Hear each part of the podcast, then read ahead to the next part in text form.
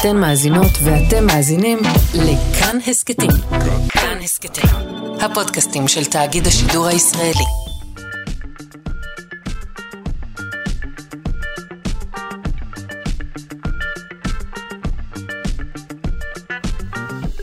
שלושה שיודעים. בוקר טוב לכם, מאזיני שלושה שיודעים, כאן, בכאן תרבות.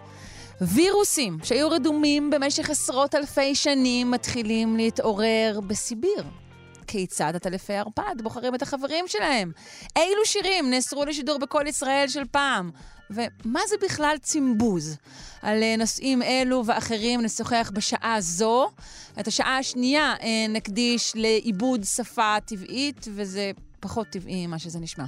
עורכת אותנו אלכס לויקר, מפיקה תמר בנימין, אל הביצוע הטכני דימה קרנצוב, סייע היום בתחקיר יובל פיגדור, אני שרון קנטור, ואנחנו מתחילים.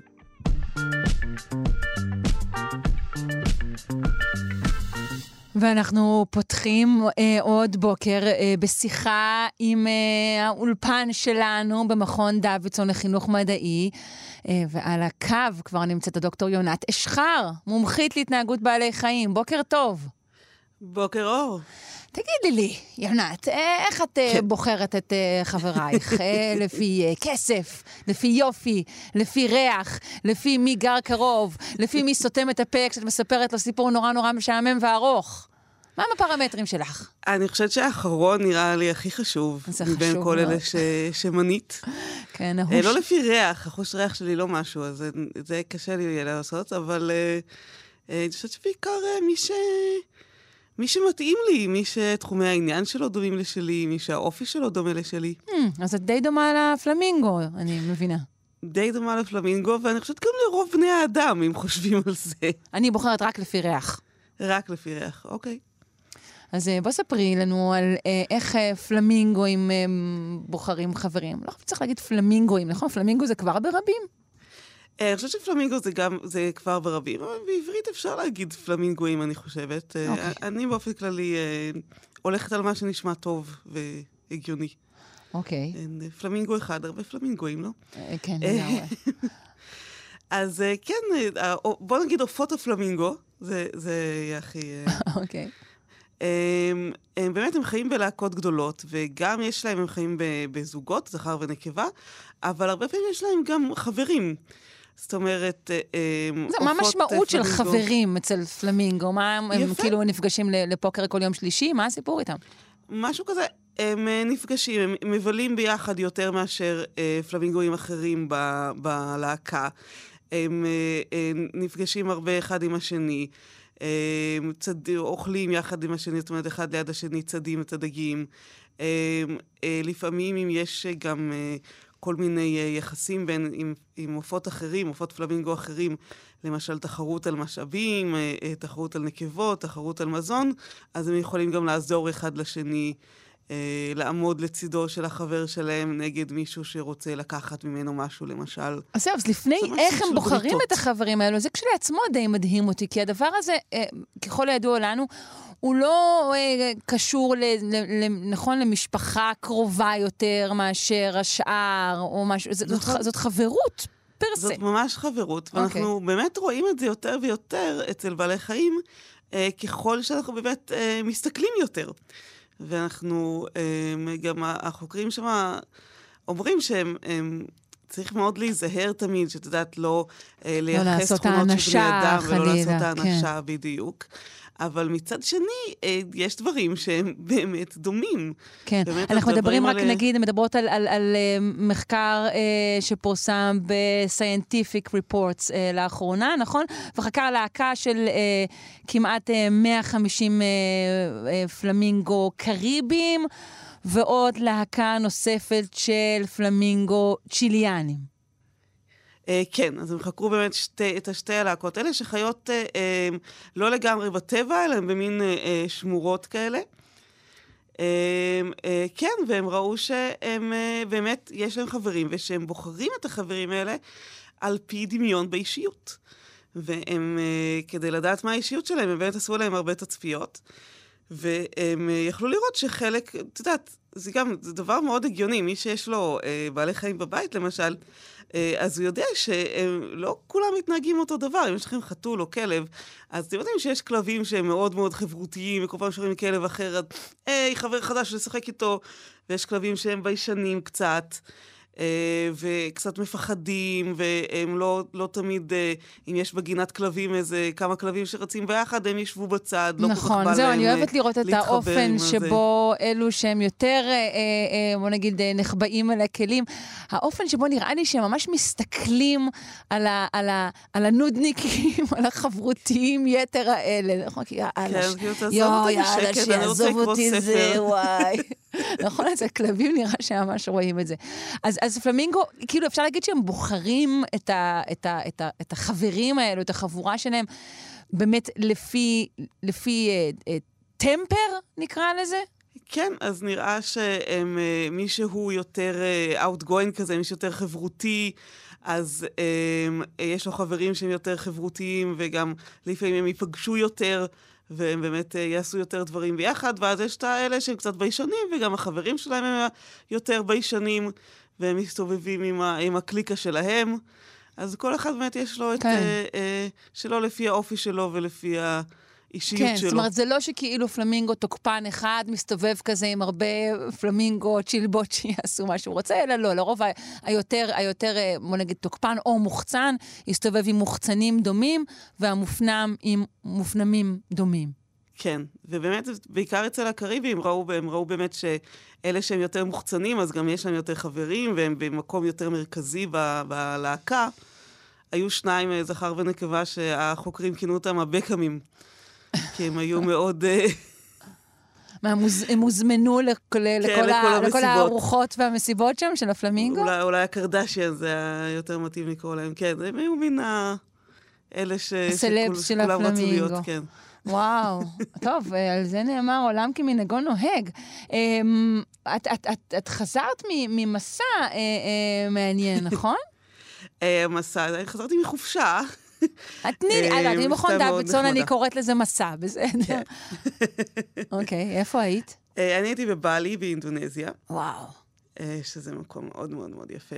מה קורה שם מבחינת בעלי כן. חיים? והוא הוא מקום מעניין, הוא גם שונה משאר אינדונזיה. אינדונזיה היא מדינה מוסלמית, בלי היא בעיקר אה, הינדו. אה, ויש שם הרבה מקדשים והרבה דברים, ויש שם גם אה, אה, לא מעט בעלי חיים אה, מעניינים. באינדונזיה עצמה יש את ה... אה, לטאות אה, קומודו, הכוח קומודו, שזה הלטאה הכי גדולה, אה, אבל לא יצא לי לראות אותה, לצערי. אה, מה שיש בבלי זה אה, לא מעט קופים, אה, קופים שנקראים מקוק ארוך זנב, שהם אה, הם מגניבים ביותר. אה, איך קופים איך מאוד, קופים אה, מת- מתחברים אה, זה עם זה? על בסיס אה, אה, דומה לזה אז- של בני אדם ופלמינגו? ככל הנראה כן. זאת אומרת, בינתיים לא ממש עשו על זה עדיין מחקר, עשו מחקר על שימפנזים שהראה ש, שזה המצב אצל שימפנזים באמת, שהקווי אישיות בהחלט אה, משפיעים על אה, עם מי הם מתחברים. ואנחנו יודעים שגם אצל קופים, אה, שוב, יש חברויות ויש יצירות קשר גם מחוץ למשפחה הקרובה בעצם. כל מיני בריתות וחברויות, וכשאפשר לראות את זה אצל הקופים, אחד הדברים ש- שהם עושים כדי ככה לייצר את החברות ולשמור על הקשר זה grooming, שזה בעצם ניקוי של הפרווה. זה שאנחנו קוראים פליית כינים, זה כן. שהם אה, יושבים אחד על השני ומחטטים בפרווה ועם האצבעות. מהמם. אה, אה, זה נראה שהם מאוד מאוד נהנים מזה. אם אתם רואים פעם קוף אה, שמקבל את הטיפול הזה, הוא נראה מאוד ב chill ובשלווה. אה, והרבה חוקרים אומרים שזה ממש... אה, המקבילה אצלנו אולי זה אה, לשבת ולספר רכילות, וככה, את יודעת, לדבר, ו... אה, או הפרלמנטים של ימי שישי, וזה בעצם הגרסה שלהם לזה. חבל שילדים לא אוהבים פליאת קינים כמו שקופים אוהבים את זה. נכון. נכון? ממש חבל. תגידי, אני רוצה לשאול אותך גם על עוד, אה, אה, אה, העדפות אה, חבריות כאלה, אצל עטלפי ערפד. יפה, אצל טלפי ערפד זה קצת מפתיע, אבל הם אחד המינים שחברויות וקשרים ביניהם נחקרו הכי הרבה. אה, כי הם עושים למה? דבר מאוד מעניין. אה, אז עטלפי ערפד, כשמם כן הם, הם אה, ניזונים מדם, בגלל זה קוראים להם עטלף ערפד. הם בדרך כלל לא הורגים את הטרף שלהם, הם יוצאים בלילה, הם עטלפים קטנים, הם מוצאים איזה פרה, איזה תרנגולת, איזה קפיברה, עושים חתך, חתך באור, ובעצם מלקקים את הדם, ואז חוזרים הביתה, והרבה פעמים החיה אפילו לא מתעוררת. אה, כן, יש שם גם מין אה, משככי כאבים ברוק, כדי שהיא לא תתעורר בכלל. וואו. והעניין עם הדם הוא שאין בו הרבה חומרים שיכולים להזין אותך לאורך זמן. דם זה, לא, זה לא כמו... דבר מזין? זה מה שאת אומרת? לא, לא לאורך זמן, כי אין בו את השומנים ואת, ה, ואת החלבונים שמתפרקים לאט. זה לא כמו אה, אריה שצד אנטילופה ואוכל אותה, ואז הוא יכול לא לאכול שבוע וחצי. כלומר, אנחנו צריכים דם חדש כל יום? צריכים כל הזמן דם חדש. אם הם אה, יום-יומיים לא מוצאים טרף, הם יכולים למות מרעב. אוי. אבל יש להם אה, רשת ביטחון חברתית. בנק הדם של העטלפים? בנק הדם של העטלפים, ממש ככה. כי אה, יש להם גם קרובי משפחה, אבל גם חברים שאינם קרובי משפחה, שאפשר לבקש מהם תרומה. ומה שהם עושים, טוב, זה די מגעיל, אבל אה, בשבילם זה מציל חיים. אין הם, מגעיל אה, בטבע, יונת, אין מגעיל, די, ספרי. אז אה, הם מבקשים מחבר שלהם שכן אכל ארוחה טובה היום, והחבר מקיא קצת מהדם שלו אליהם. יפה. ואז הם אוכלים מהדם שלו. אה, ואז נשאלת השאלה, כאילו, למה שהחבר הזה יעשה את זה? בעצם הוא מסכן את עצמו, כי הוא נותן מהמזון שהוא כאילו הצליח להשיג. והם ראו שהם עושים את זה אצל חברים, באמת בין בני חברים, לא, לא סתם עטלפים שהוא לא מכיר. הוא יעשה את זה רק לחבר טוב שלו, ואז אם הוא יהיה בצרה, אז החבר שלו יעזור לו. ייתן לו בחזרה. כלומר, העטלפים יודעים לזהות את חבריהם הנדיבים יותר, ולהבדיל גם את הסוציומטים, שלא נותנים אף פעם שום דבר לאף אחד? היה ממש מחקר שהראה שהם בונים את היחסים ביניהם. בהתחלה הם עושים grooming, כמו הקופים. Mm. ומשקיעים בזה יותר ויותר, ורק אחרי שהם רואים שהחבר מחזיר את אותה רמה של grooming ואותה רמה של השקעה, אז הם מתחילים להחליף דם גם. וואו, יש הרבה מה ללמוד. זאת אומרת, הם, הם בונים את זה לאט-לאט ואומרים, בוא נראה אם אני יכול לסמוך עליך בדברים הקטנים, ואז אני אסמוך עליך גם בדברים הגדולים. וואו, טוב, אני הכי מרימה ערב grooming בשישי. אה, ערב גבינות ו grooming. דוקטור יונת אשחר, מומחית להתנהגות בעלי חיים, מכון דוידסון לחינוך מדעי. פינקת הבוקר. תודה רבה. יום תודה טוב. תודה רבה. ביי. יום טוב.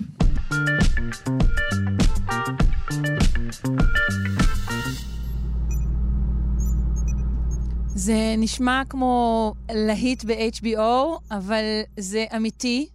וירוסים עתיקים שהיו רדומים עשרות אלפי שנים עלולים להתעורר ולקום לתחייה.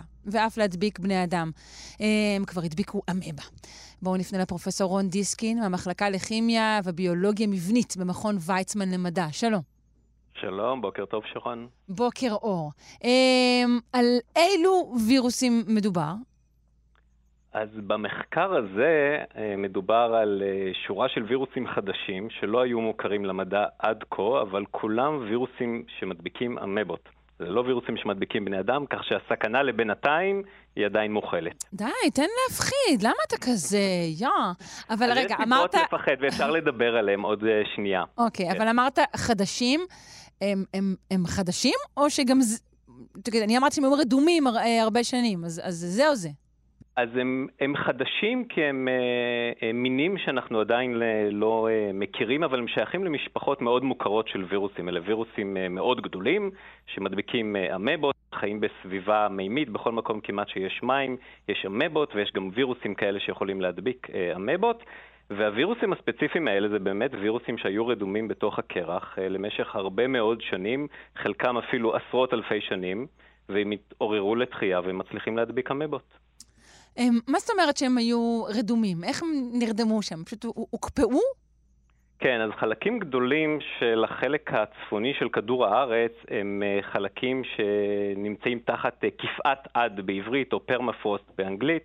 זה בעצם אדמה שהיא קפואה, והיא קפואה כמו במקפיא, היא משמרת חומר ביולוגי בתוכה. עכשיו, לא רק שהיא קפואה, זה גם סביבה שהיא ענייה בחמצן, והיא לא חשופה לאור השמש, כך שדוגמאות ביולוגיות משתמרות שמה בצורה נהדרת. וכבר ידוע הרבה מאוד שנים שיש שם חיידקים ויש שם פטריות ויש גם וירוסים בתוך האדמה. מצאו שם גם אה, דברים יותר גדולים מווירוסים, נכון? מצאו גם נכון, אה, גורי אריות אפילו. נכון, פגרים של בעלי חיים שהשתמרו בצורה מופלאה, נחשפים עכשיו כשהקרקע מתחילה להפשיר, הם נחשפים, ואיתם נחשפים כל הפתוגנים שהיו אה, בסביבתם כשהם אה, שקעו למצולות ונקברו באדמה. אז רגע, אז אתה אומר שאולי הפרמפרוסט, תכף נצטרך גם להחליף את השם? זאת אומרת, יש פה תהליך של הפשרה?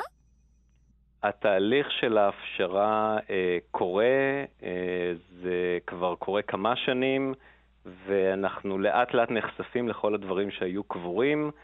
אה, ראוי להזכיר בהקשר הזה את ההתפרצות של אה, מחלת האנטרקס שהייתה בסיביר אה, לפני כמעט עשר שנים, שזה נבע מפגרים של צבאים שחלו במחלה, מתו, נקברו, ובעצם הנבגים של האנטרקס שרדו עד היום הזה, ועכשיו עם ההפשרה הם שוב התחילו להיחשף לסביבה. וגם איילים וגם אפילו בני אדם שחיים שם בסביבה נדבקו, חלו ואפילו אה, כמה מהם נפטרו. איך, איך הווירוסים האלה בעצם מחזיקים מעמד ומתעוררים לחיים? זה מה שאני לא מבינה. אז זה בעצם אה, אחד הדברים החשובים שעולים מהמחקר. זה שווירוסים וחיידקים ופטריות אה, קיימים באדמה הזאת, זה היה ידוע אה, לזמן ארוך. וגם היה ידוע שלפחות נבגים של אה, פטריות ושל אה, חיידקים יכולים להתעורר לתחייה ויכולים להמשיך אה, לחיות כשמפשירים את הקרקע. אבל לגבי וירוסים, עד היום היו אה, רק התייחסויות אנקדוטליות בספרות לווירוסים מאוד מאוד מסוימים שהצליחו להתעורר והצליחו להדביק. ומה שהחוקרים עכשיו מראים במחקר הזה, שזה בעצם לא אנקדוטלי.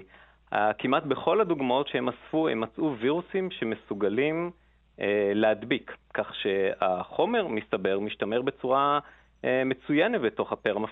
ולכן הסכנה הגדולה אה, גם לבני אדם, כי אם יש וירוסים שיכולים להדביק אמבות, יכול להיות שיש גם וירוסים שיכולים להדביק בני אדם, והם עכשיו קפואים בפרמפרוסט, ואולי הם יופשרו וייחשפו לעולם המודרני. אז בכל זאת, אתה, אתה אפילו אפשר להגיד יותר ממני.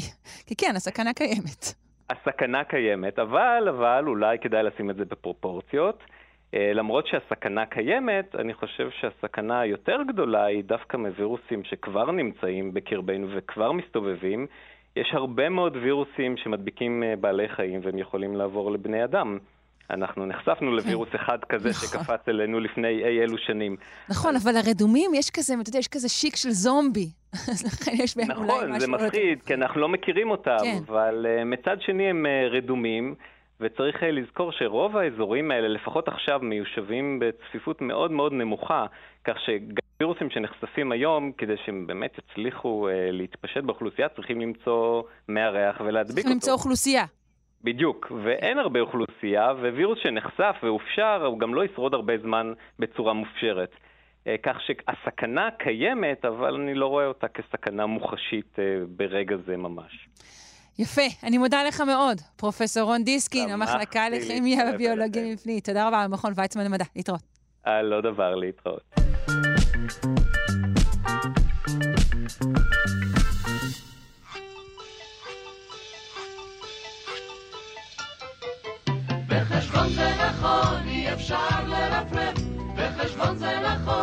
אפשר לצפצף. בחשבון זה נכון, אי אפשר לזייף. אך מי אמר שבחשבון אי אפשר לקיים? אתמול uh, היה uh, יום הפאי, צוין ברחבי העולם. Uh, אבל היום פינת המתמטיקה uh, שלנו uh, משודרת. ועל הקו נמצא מיכאל גורודין ממכון דוידסון, הזרוע החינוכית של מכון ויצמן למדע. ואנחנו רוצים לשאול אותך, מיכאל יקר, למה לפאי קוראים פאי? אז uh, קודם כל, uh, בואי נפריך את התשובה הלא נכונה. אה, והמאוד נפוצה, והיא שלפאי קוראים פאי, כי פאי זה עגול, זה העוגה העגולה הזאת. מכיוון שבעיגול עסקינן, אז זה כאילו, כן. אז זה לא. לא. לא, זה לא, לא, לא, לא זאת הסיבה, זה צירוף מקרים אה, משעשע שהתרחש בשפה האנגלית, אבל זאת לא הסיבה של, ה, של הפאי קוראים פאי. למעשה, הדבר ש... אבל אה, אה, עכשיו, זה יכול להיות שהרבה מהמאזינים ידעו, ואולי אף... וגם אלה שלא ידעו, אולי זה לא כזה מפתיע. מה שיכול להיות שיפתיע חלק, זה שלמעשה לפאי לא באמת קוראים פאי. למעשה לפאי קוראים פי. אה, אה, האות היוונית הזאת, שאנחנו יודעים לכתוב אותה, זאת עם שני המקלות והגת. האות הקטנה. האות הקטנה הזאת, כן, זה הפאי, כמו שאנחנו כן, פאי. אז אה, זאת אות מהאלף-בית היווני, ומה לעשות שאם נשאל אדם יווני, איך קוראים לאות הזאת, הוא יגיד בביטחון מוחלט, פי, ככה קוראים לאות הזאת באלף-בית היווני. מה לעשות שבאנגלית, כשכותבים פי-איי, אה, לא מבטאים את זה בדרך כלל פי, אלא מבטאים את זה פאי, ובעיקר בארצות הברית. אה, והרבה אותיות יווניות כמו אה, פי וחי וני ופסי, אה, פחות מתיישב להם על השפה, והאמריקאים קוראים לאותיות האלה פאי ופסאי וחי ו- וכאלה. ואנחנו... אז רגע, אז הם גם אשמים בשיבוש האשמה של האות, וגם אולי בקישור אה, של הפאי לפאי עגול וטעים? שני הדברים האלה הם לחלוטין אה, באשמתם. אבל זה בהחלט אה, מייצג את הרוח האמריקאית. אני חושבת שהיא גם מצד אחד אה, אולי משטיחה דברים, או לעיתים מסלפת אותם בכל מיני מטרות של נוחות, אך מאידך היא מקנה את מתנת הפופולריות הגדולה. נכון, וגם אני האחרון שארצה לעמוד בפני המוני תלמידים שמגישים ביום הפאי למורים למתמטיקה האהובים עליהם פאי, טעים, זה בכלל לא רמז לתלמידים אה, שלי, חס וחלילה. אז לצד זה שאמרנו שלא זה מקור השם, אנחנו מקבלים באהבה את, ה, את השיבוש הנחמד, המשעשע והטעים הזה, ואנחנו נשארים עם, ה, אה, עם הפאי ועם העוגות ביום הפאי והכל בסדר. נכון. אם אתה כבר על הקו, בא לך היסטוריה קצרצרה בדקה של הפאי? מתי עלו עליו? מתי הבינו שטועים לגביו? אז כן, אה, ממש, אה, אה, ממש בקצרה, הפאי... על קצה המזלג לח... המלוכלך מפירורי פאי, כן. כן. אז מה, מה, זה, מה זה בעצם פאי? ברמה הכי בסיסית שלו זה היחס בין כותל המעגל להיקפו. זה שהגודל הזה הוא חשוב ומשמעותי ולא פשוט לחישוב, ולא יוצא איזה מספר שלהם, ידעו כבר המתמטיקאים הקדומים של בבל ושל מצרים והתחילו לעשות כל מיני חישובים. ארכימדס בתחילת ה... במאה השנייה או השלישית, אני אף פעם לא זוכר מתי הוא בדיוק היה, ארכימדס, אה, רומא, הוא ממש בתחילת הסמוך, לפני כאלפיים שנה, ארכימדס עושה חישוב כבר מאוד מאוד מדויק של, ה, של הערך הזה. רק לפני כ-300 שנה מתקבע הסימון של האות היוונית הזאת, שהיא אגב על, על בסיס המילה פרימטרוס, זאת אומרת היקף אה, שמתחיל באות P, ולכן משתמשים באות היוונית P או אה, פאי, ומאז אה, ימי ארכימדס ואותם יוונים אה, עתיקים, הקבוע הזה, הסיבה שהוא תופס מקום כל כך מרכזי, היא שהוא צץ לו כל הזמן, ולא רק בהקשרים שקשורים למעגלים, אלא הוא צץ בהמון המון המון המון המון נוסחאות במתמטיקה, והופך ותופס את מקומו כאחד מהקבועים או המספרים המתמטיים החשובים והמפורסמים ביותר. אבל למה בעצם זה צס כל כך הרבה? מה, מה יש ביחס הזה שהופך אותו למשהו שמופיע כל כך הרבה פעמים? זאת שאלה ממש טובה. יש אה, אה, אה, ערוץ יוטיוב אחד של, אה, שקשור למתמטיקה, שהיוצר שלו שם לו למטרה להראות איך בכל נוסחה שבה מופיע פאי, אפשר למצוא אה, באיזשהו אופן אה, שזה קשור למעגלים. עכשיו, זה קצת כמו אולי לצייר אה, קודם, את המ... קודם לראות את החץ ואז לצייר את המטרה סביבה, אבל אולי זה קשור לכך שמה זה בעצם מעגל? זאת הצורה הכי פשוטה שלנו לתאר תופעה מחזורית. והמון המון תופעות בטבע ובמתמטיקה ובכל מקום הן מחזוריות. וכשאנחנו רוצים לתאר תופעה מחזורית, מעגל הוא דרך מאוד מאוד נוחה לתאר מחזוריות, וברגע שבאמת הכנסנו מעגל, ייכנס שם הפאי, הוא ימצא את הדרך שלו להזדחל לתוך הנוסחאות שלנו. יפה, נהיר ובהיר. אה, אז אה, שוב נגיד, אה, שוחחנו על פאי, כי אתמול היה 14 במרץ, יום הפאי. 14 לשלישי, כן, כי הקירוב העשרוני שלו הוא 3.14. נכון, וגם שוב, ההיפוך האמריקאי, שקודם כל אומרים את החודש, כן. ורק אז את התאריך שאחריו, גם זה גרם לכך שזה יהיה. הם אשמים בהכל, לחלוטין אשמים בהכל. אבל שוב, אשמים, אך גם אנחנו מודים להם. וגם לך, מיכאל גורדין, ממכון דוידסון, הזרוע החינוכית של מכון ויצמן למדע. המשך יום טוב. בשמחה. ביי.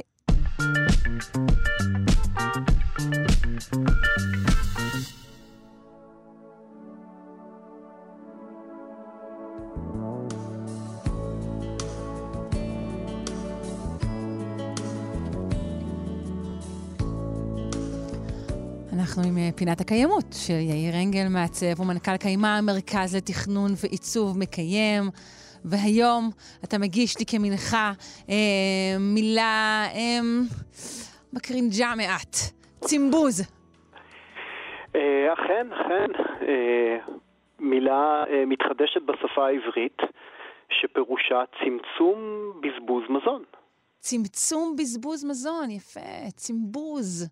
צימבוז, כן, כן אה, לפחות אה, מושך תשומת לב חיובית. כן, כן, כן, אה, לגמרי. אז כן, השבוע הוא השבוע הלאומי לצמצום בזבוז מזון.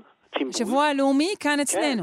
כן, כן, okay. אוקיי. בין ה-12 ל-18 למרץ, וקוראים, זה, מי שהתחיל את השבוע הזה הוא ארגון ישראלי שנקרא The Natural Step, הצעד הטבעי.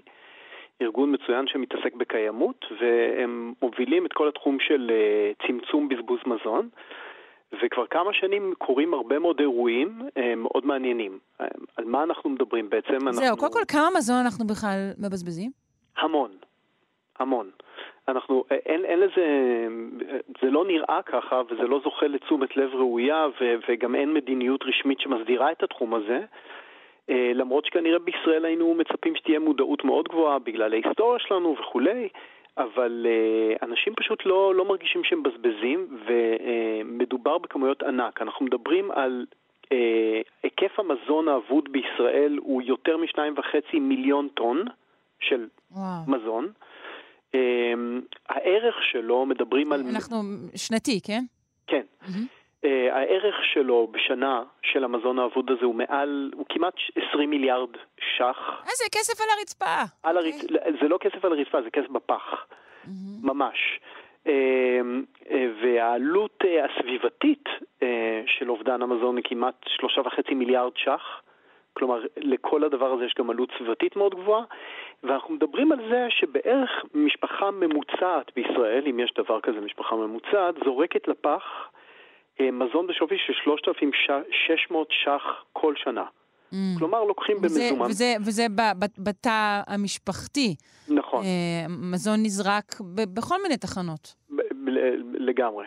עכשיו, צריך לזכור שמישהו, למשל, מעל הממוצע, אני מקווה שכל, אה, אני מאחל לכולנו, אה, אבל אז יוצא שבממוצע אנשים זורק, משפחות זורקות 5,000, 6,000 ו-7,000 ש"ח במזומן לפח, שבערך אה, מדברים על זה שמעל מחצית מה, מה, מכל המזון שנזרק בארץ אה, לפח הוא בעצם היה יכול להיות מזון שיכול לשמש כאוכל. זאת אומרת, זה לא מזון פסול, זה מזון אכיל, שזה דבר מדהים.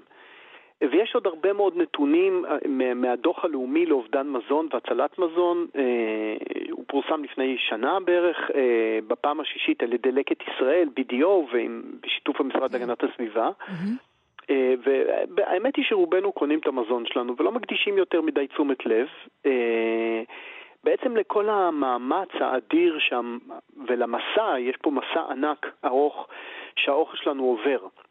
אה, ולא חושבים על כל המאמצים שמושקעים משאבים גדולים בעצם מרגע הגידול ועד שהוא מגיע אלינו לצלחת. אה, אם תחשבי רגע על, אה, לא גרגר חיטה, למשל, מאיפה הוא מגיע, צריך לקרקע, מים, חשמל, עבודה, בגידול המזון, דישון ו- ו- וטיפול, דלק להסיע, טיפול, טחינה של הדבר הזה. אריזה, יש המון המון לגים של הסעה, של אריזה, הסעה, נסיעה, קונים, מעמיסים, מביאים הביתה את האוכל, נוסעים לסופרמרקט, מחברים לחשמל את המקרר וכל מכשירי החשמל שמכינים בהם את האוכל, משקיעים בהכנת האוכל ואז זורקים אותו לפח. טוב, תראה, כי סגנון החיים שלנו בעצם אפשר להגיד שהוא תומך בבזבוז מזון. אה, עצם אה, קיומן של, אה, של סופרים גדולים מאוד, עצם מיקומם של סופרים גדולים שלא ליד הבית, כלומר אנחנו עושים קניות מרוכזות מאוד וגדולות מדי, למשל. נכון, וזה חלק גם מהתרבות שלנו, תרבות של הגירת מזון, וקנייה במבצעים למשל. כן, אולי זה יותר קשור להיסטוריה שלנו. יותר אמרת זה, שזה מפתיע אותך שעם ההיסטוריה שאנחנו מבזבזים מזון, אבל דווקא הגירה יותר מתאימה אולי. יכול להיות, ואני חושב שיש הרבה מאוד אנשים שקונים אה, את הקנייה השבועית שלהם ואז מרוקנים את המקרר לפח ומכניסים את האוכל ולא משתמשים בו, קונים בעיקר עם העיניים, מה שקראו פעם. אה, צריך, צריך גם לשים לב למה שקורה עם מה שנשאר. אנחנו חושבים זורקים את זה לפח וזה נעלם, כמובן שזה לא. אה, צריך לפנות את הזבל, אה, לטפל בו, ומכיוון שבישראל לא מטפלים בפסולת אורגנית כמו שצריך, כלומר לא מקמפסטים אותה, הופכים אותה לדשן, או את רובה, לא, לא מייצרים מזה גז טבעי, גז למשל, אז כן. הכל עובר להטמנה, שזה נכון, עוד דיון. נכון, פה אתה בכלל מניח את זה שאנשים זורקים את המזון ללא אריזתו, שגם זה לא תמיד נכון. לפעמים פשוט. זורקים אותו קומפלט עם האריזה. אז במקרה שלנו זה לא כל כך משנה, כי אם לא מפרידים ולא מטפלים בזה, אז, אה, אז זה במילא הולך נכון. להטמנה, וזה נוסע, צריך להבין שלמשל ב, מכל גוש דן זה נוסע לדרום להטמנה. זה דבר שקשה אפילו להאמין שזה, שזה עדיין קורה. כל מדינה צריכה את הדרום שלה, שיהיה לה איפה להשליך דברים. בהחלט. Uh, תגיד, לקט ישראל אוספים את העודפים uh, ברובם בשלבים מוקדמים יותר, נכון? הם אוספים את זה מחקלאים, מרשתות? לקט ישראל אוספים מחקלאים ומרשתות, ויש הרבה ארגונים ש, שאוספים מזון ועושים... Uh, כל מיני פעילויות בעניין הזה. אני רק רוצה להגיד עוד דבר אחד, מדברים הרבה מאוד על יוקר המחיה. כלומר, זה מקום ממש ממש טוב להתחיל בו בצמצום יוקר המחיה, הפרטי שלנו או בכלל, מכיוון שיש פה ממש כסף בפח, ואנחנו מדברים על מיליארדים, על, על כמות מאוד מאוד גדולה, וזה... אה, אה, די פשוט בעצם לשנות את זה. אז קודם כן, כל, אבל זה כי אתה השבוע... חושב שמישהו באמת רוצה, רוצה לטפל ביוקר המחיה. אנחנו. כן, בתור אנחנו. אנשים פרטיים אנחנו, אנחנו יכולים כן, לטפל בזה. נכון, בואו נתחיל בזה. אז קודם כל יש אה, אה, השבוע, אה, או מה שנשאר ממנו, אה, עוד אירועים, שווה לחפש באינטרנט, אה, שבוע הצימבוז, או צמצום בזבוז מזון, ו- ו- ותוכלו למצוא, אני, אני יכול לספר ממש בקצרה על אירוע שהייתי בו שלשום, אירוע מדהים, אני מזמין אתכם להצטרף אליו, בטח הוא יקרה בשנה הבאה שוב, הוא נקרא דיסקו שוק, הוא היה בנמל תל אביב, בשוק נמל תל אביב. והיו בו המון דוכנים של שפים אה, ושל אה, אה, כל מיני ארגונים שמצילים מזון, כמו רובין פוד, ארגון מדהים, שאני חושב שהקדשנו לו פינה כן. בעבר ושווה שנקדיש בעתיד, ופשוט היה, בעלות של 20 ש"ח היה אפשר להיכנס למקום ולטעום אוכל מדהים. שכולו אה, בושל ועל ידי מומחים ומומחיות, אה, אה, וכולו ממזון שהוצל, כלומר משהו שנזרק כבר לפח או ש... אה, מכל מיני סיבות, כן. אבל היה ממש מצוין וטעים. עכשיו, אני רוצה במעט זמן שנשאר זה לדבר על כמה פתרונות. אחד הפתרונות שמדברים עליו, וארגון טינס מנסה לקדם אותו, הוא עניין של תמחור דינמי למוצרי מזון שתאריך התפוגה שלהם מתקרב. בעצם יש הרבה מאוד אה, מקומות בעולם שברגע שתאריך התפוגה מתקרב, אה, מוכרים פשוט את, ה, אה, את המוצרים האלה בזול יותר, ב-50%, ב-20%, ב-10%, העיקר לא לזרוק אותם לפח. וזה יכול, זה בעצם ווין ווין, גם הסופר ירוויח, גם היצרן ירוויח וגם אנחנו. אפשר אולי לחייב מקומות בהחלט, פשוט. אסור, אוסרים עליהם uh, להשליך פסולת לפח. כן. בצרפת אסור uh, לזרוק פסולת uh, אולי גם לא צריך לערום כל כך הרבה סחורה בסופר בכלל. למה יש כאלה ערימות, נגיד, של הפירות והירקות? זה ענק. לא נכון. צריך כל הזמן לשים שם עוד. אפשר להשאיר אותם בקירור, ואולי הם יחזיקו עוד קצת. צריך להבין שדיברת על אה, סכומי כסף שעובדים, אז הם מדברים על שהעלות הסביבתית אה, רק מאובדן מזון במקטע הביתי עולה על מיליארד ש"ח, כן? עכשיו, יש הרבה מאוד טיפים שאפשר לעשות, אני, אני אכנס לה, עוד פעם לעניין של תאריכי תפוגה. במה שכתוב עדיף להשתמש לפני ולשימוש עד, אה, אה, אה, זו המלצה. אה, זה המלצה. ואם אם, אה, זה לא מוצרים רגישים, אפשר להשתמש בהם גם אחרי. ברור לגמרי שאורז לא הופך תוך יום אחד לבלתי אה, אכיל לחלוטין, אני מניח שהוא אה, מחזיק גם הרבה מאוד שנים, ושימו לב שגם על דבש, שאפשר לצרוך אותו גם בעוד מאה שנה, או בעוד אלף שנה, כי הוא לא מתקלקל, כתוב עליו תאריך תפוגה, כי ככה זה החוק. כן. אפשר פה אה, לעשות את הדבר הזה, ויש המון שיטות וכמובן, יצירתיות. וכמובן, כן, יש מזון טרי לעומת מזון מבושל, גם כאן יש כמובן איזשהו פער. אני חושבת, אנחנו צריכים לסיים, נראה לי שההמלצה שלי... זה, זה להרבות בחברים וארוחות משותפות. אני חושבת, אני חושבת מעולה. שזה, שזה מונע, אה, מונע בזבוז מזון. אני רוצה להוסיף עוד טיפ אחד, אני מאוד בעד העצה שלך, אה, לקנות את כל הפירות והירקות המיוחדים, שקוראים להם בהרבה פעמים ירקות מכוערים. אה, הם, הם אלה שהם קצת בצורה שונה, הם, הם טובים וטעימים באותה מידה ולפעמים הם גם נורא נורא יפים. וככה אפשר למצוא, אה, להציל אה, מזון, גם בסופר אפילו, מלהיזרק רק בגלל הצורה או הצבע או הגודל שאינו מושלם. בקיצור, לקדם את אלה שאינם מושלמים, כמונו. יפה אמרת. אה, תודה רבה לך על פינה זו, לכבוד שבוע הצימבוז. יאיר אנגל, מעצב ומנכ"ל קיימה, מרכז לתכנון ועיצוב מקיים. תודה, ביי. תודה, שרון.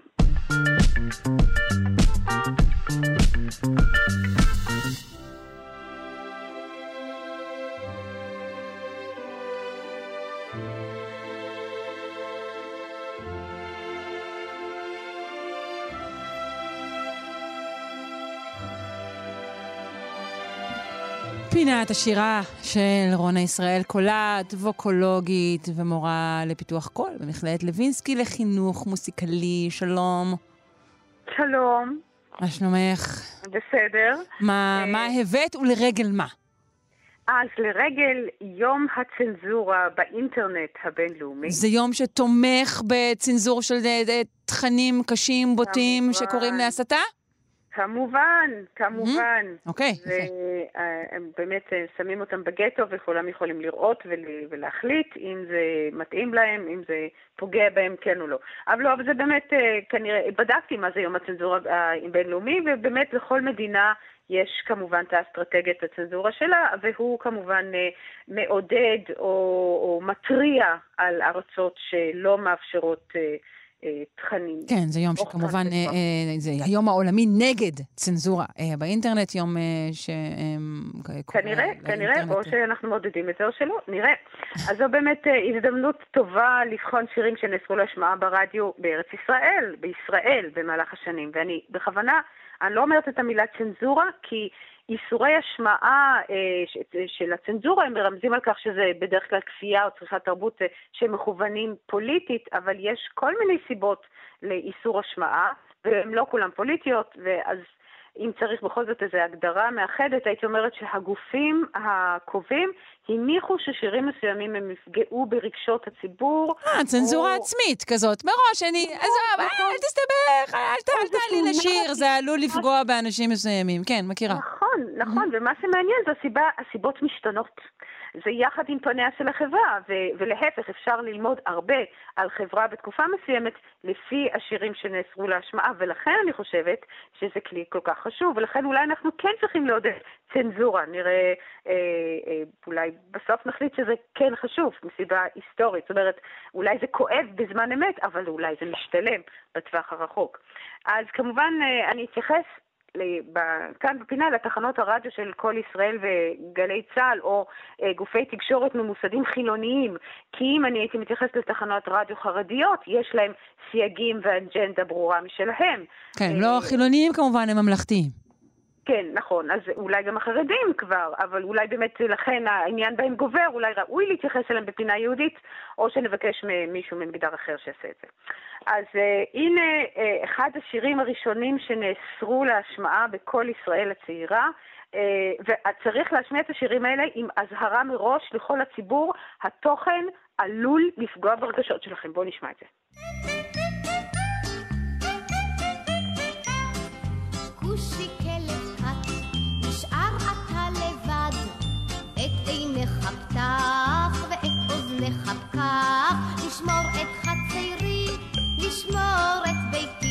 אז בוודאי ברור לך מדוע השיר נפסל לשידור. בגלל המ- המילה, הכף וורד, הכף לא, וורד שם. הוא מעודד בדידות. נשאר אתה לבד. לא, בסדר, את צודקת, נכון. הקו שיניות, זה היה עלול להתפרש אה, כגנאי לאפריקאים, ובאמת היו יחסים באותה תקופה, בשנות ה-50. ממשלת ישראל ביקשה מכל ישראל לא לשדר את השיר, כיוון שזה עלול היה לפגוע ביחסים הנרקמים בין ישראל... אה, זה לא משהו מהשנים האחרונות, כאילו, של אה, PC, זה זה- זה לא. מאז, אוקיי, לא, אה, יפה. הקדימו- לעשות, הקדימו לעשות. כן, המחשבה שיושבים הרבה אפריקאים באפריקה ומאזינים לכל ישראל בתוכניות הילדים, כן. ועלולים להיפגע מהמילה הזו, זה, זה מה שמוצא חן בעיניי, את יודעת, לאן, לאן זה... זה הרבה, אני חושבת, על הממשלה. במה הם התעסקו, וגם על העובדה שהם באמת הניחו שלכולם יש מקלטי רדיו באפריקה ומאזינים לכל ישראל. יש יש להם חברים שילשינו להם. ממש ככה. אבל תראי, אני לא יודעת מה המילה הזו, כ"ו ש"י, אני לא יודעת מה היא אומרת באפריקה, אה, ובדעתי זו... אבל זה, מה שכן, בימינו זו באמת מילה שאסור להשתמש בה, אה, היא לא... אה, אם יש ציבורים שנפגעים ממנה, לא משתמשים בה. אז באמת יש מאמר מעניין מ-2006 של גיא טנא, שהוא מחלק את הפסילות לכמה קטגוריות, וזה כנראה, הקטגוריה שהשיר הזה עונה עליו הוא כנראה שמירת ממסד אומנותי על יחס תקין עם קבוצות אוכלוסייה מסוימות על חשבון קבוצות אחרות. אז הקבוצות האחרות, אני מניחה, הם אה, ילדים וכלבים שקוראים להם כושי, אבל אה, מי שעלול באמת היה להיפגע זה אה, קבוצות אוכלוסייה מסוימות, ולכן האיסור הזה היה תקף לגביהם. יפה, תני לנו עוד שיר שנפסל. אה, או- עוד שיר שבגלל הקטגוריה הזו זה שירים שיכולים לפגוע ברגשות של מאזינים, אה, של מאמינים. אה, למשל, השיר הנהדר, הנביא יחזקאל, אז הוא כמובן נפסל. הטקסט הוא של חיים חפר, שבתקופה מסוימת הוא היה עם שיא מפוקפק של חתרן תחת יסודות הממסד.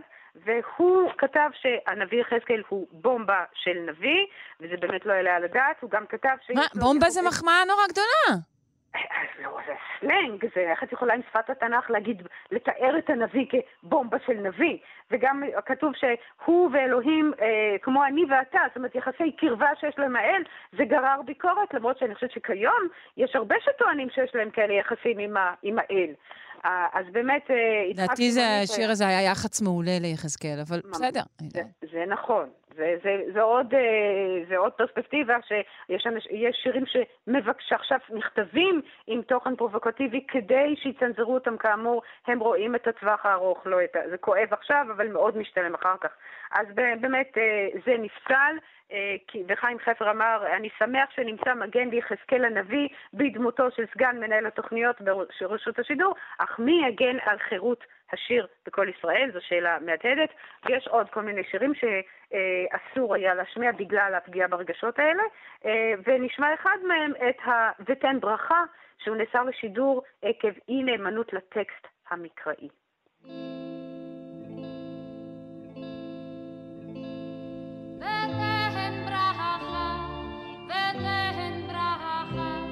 ותן ברכה,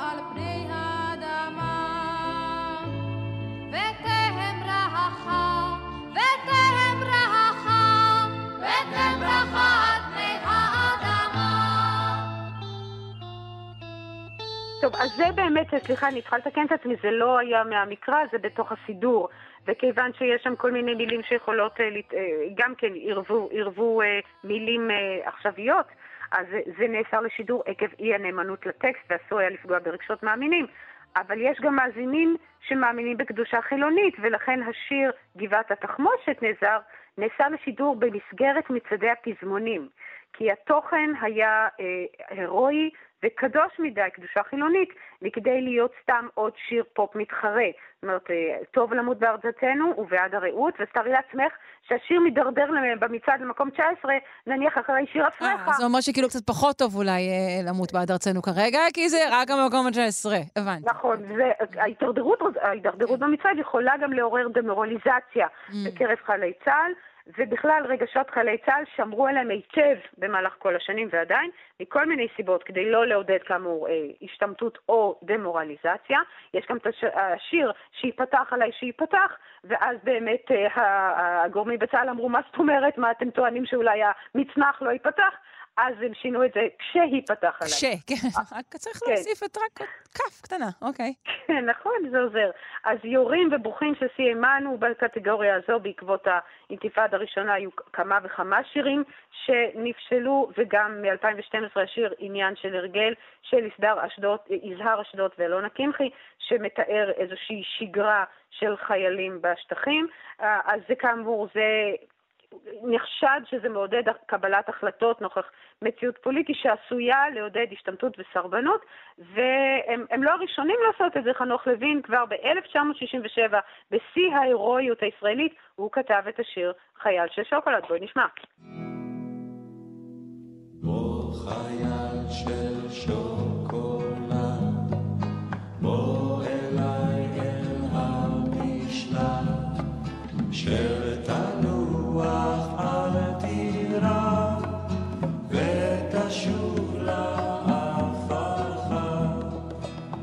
שמה שיפה, שזה שיר מחאה מאוד רגוע, הרמוניות מאוד נעימות. כן, הוא לא. כועס.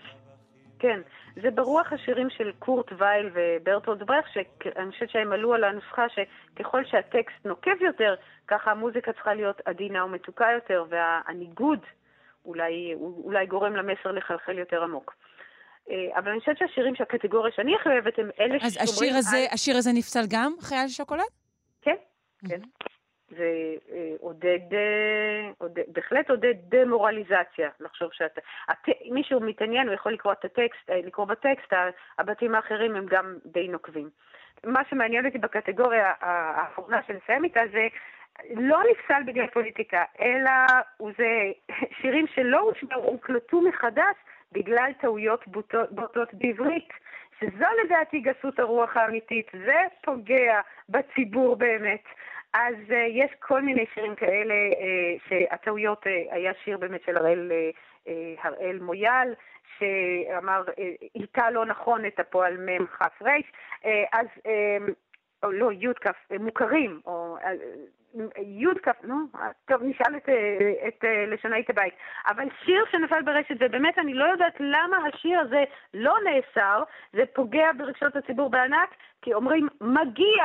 ולא מגיע, אז בואי נסיים איתו, כי אה, שלא נטעה את כל התלמידים בדרך לבית ספר ששומעים את זה, אכן אומרים מגיע ולא יפה. אז אנחנו אה, ניפרד ממך, אה, נקווה שלא תצונזרי בעתיד.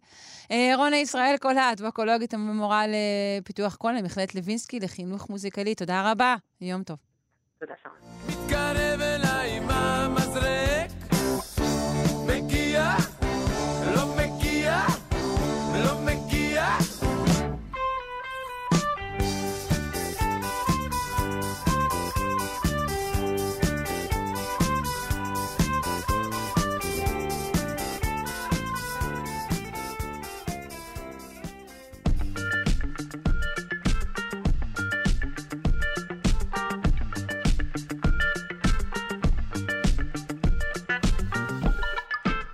עד כאן השעה הראשונה והבלתי מצונזרת שלנו, שלושה שיודעים. ערכה אותנו אלכס לויקר, הפיקה תמר בנימין, אל הביצוע הטכני היה דימה קרנצוב. אנחנו נהיה כאן אה, בשעה הבאה אה, לשיחה של שעה על אה, עיבוד שפה טבעית אה, ועל אה, בינה מלאכותית. אני שרון קנטור, ואתם אל תלכו לשום מקום.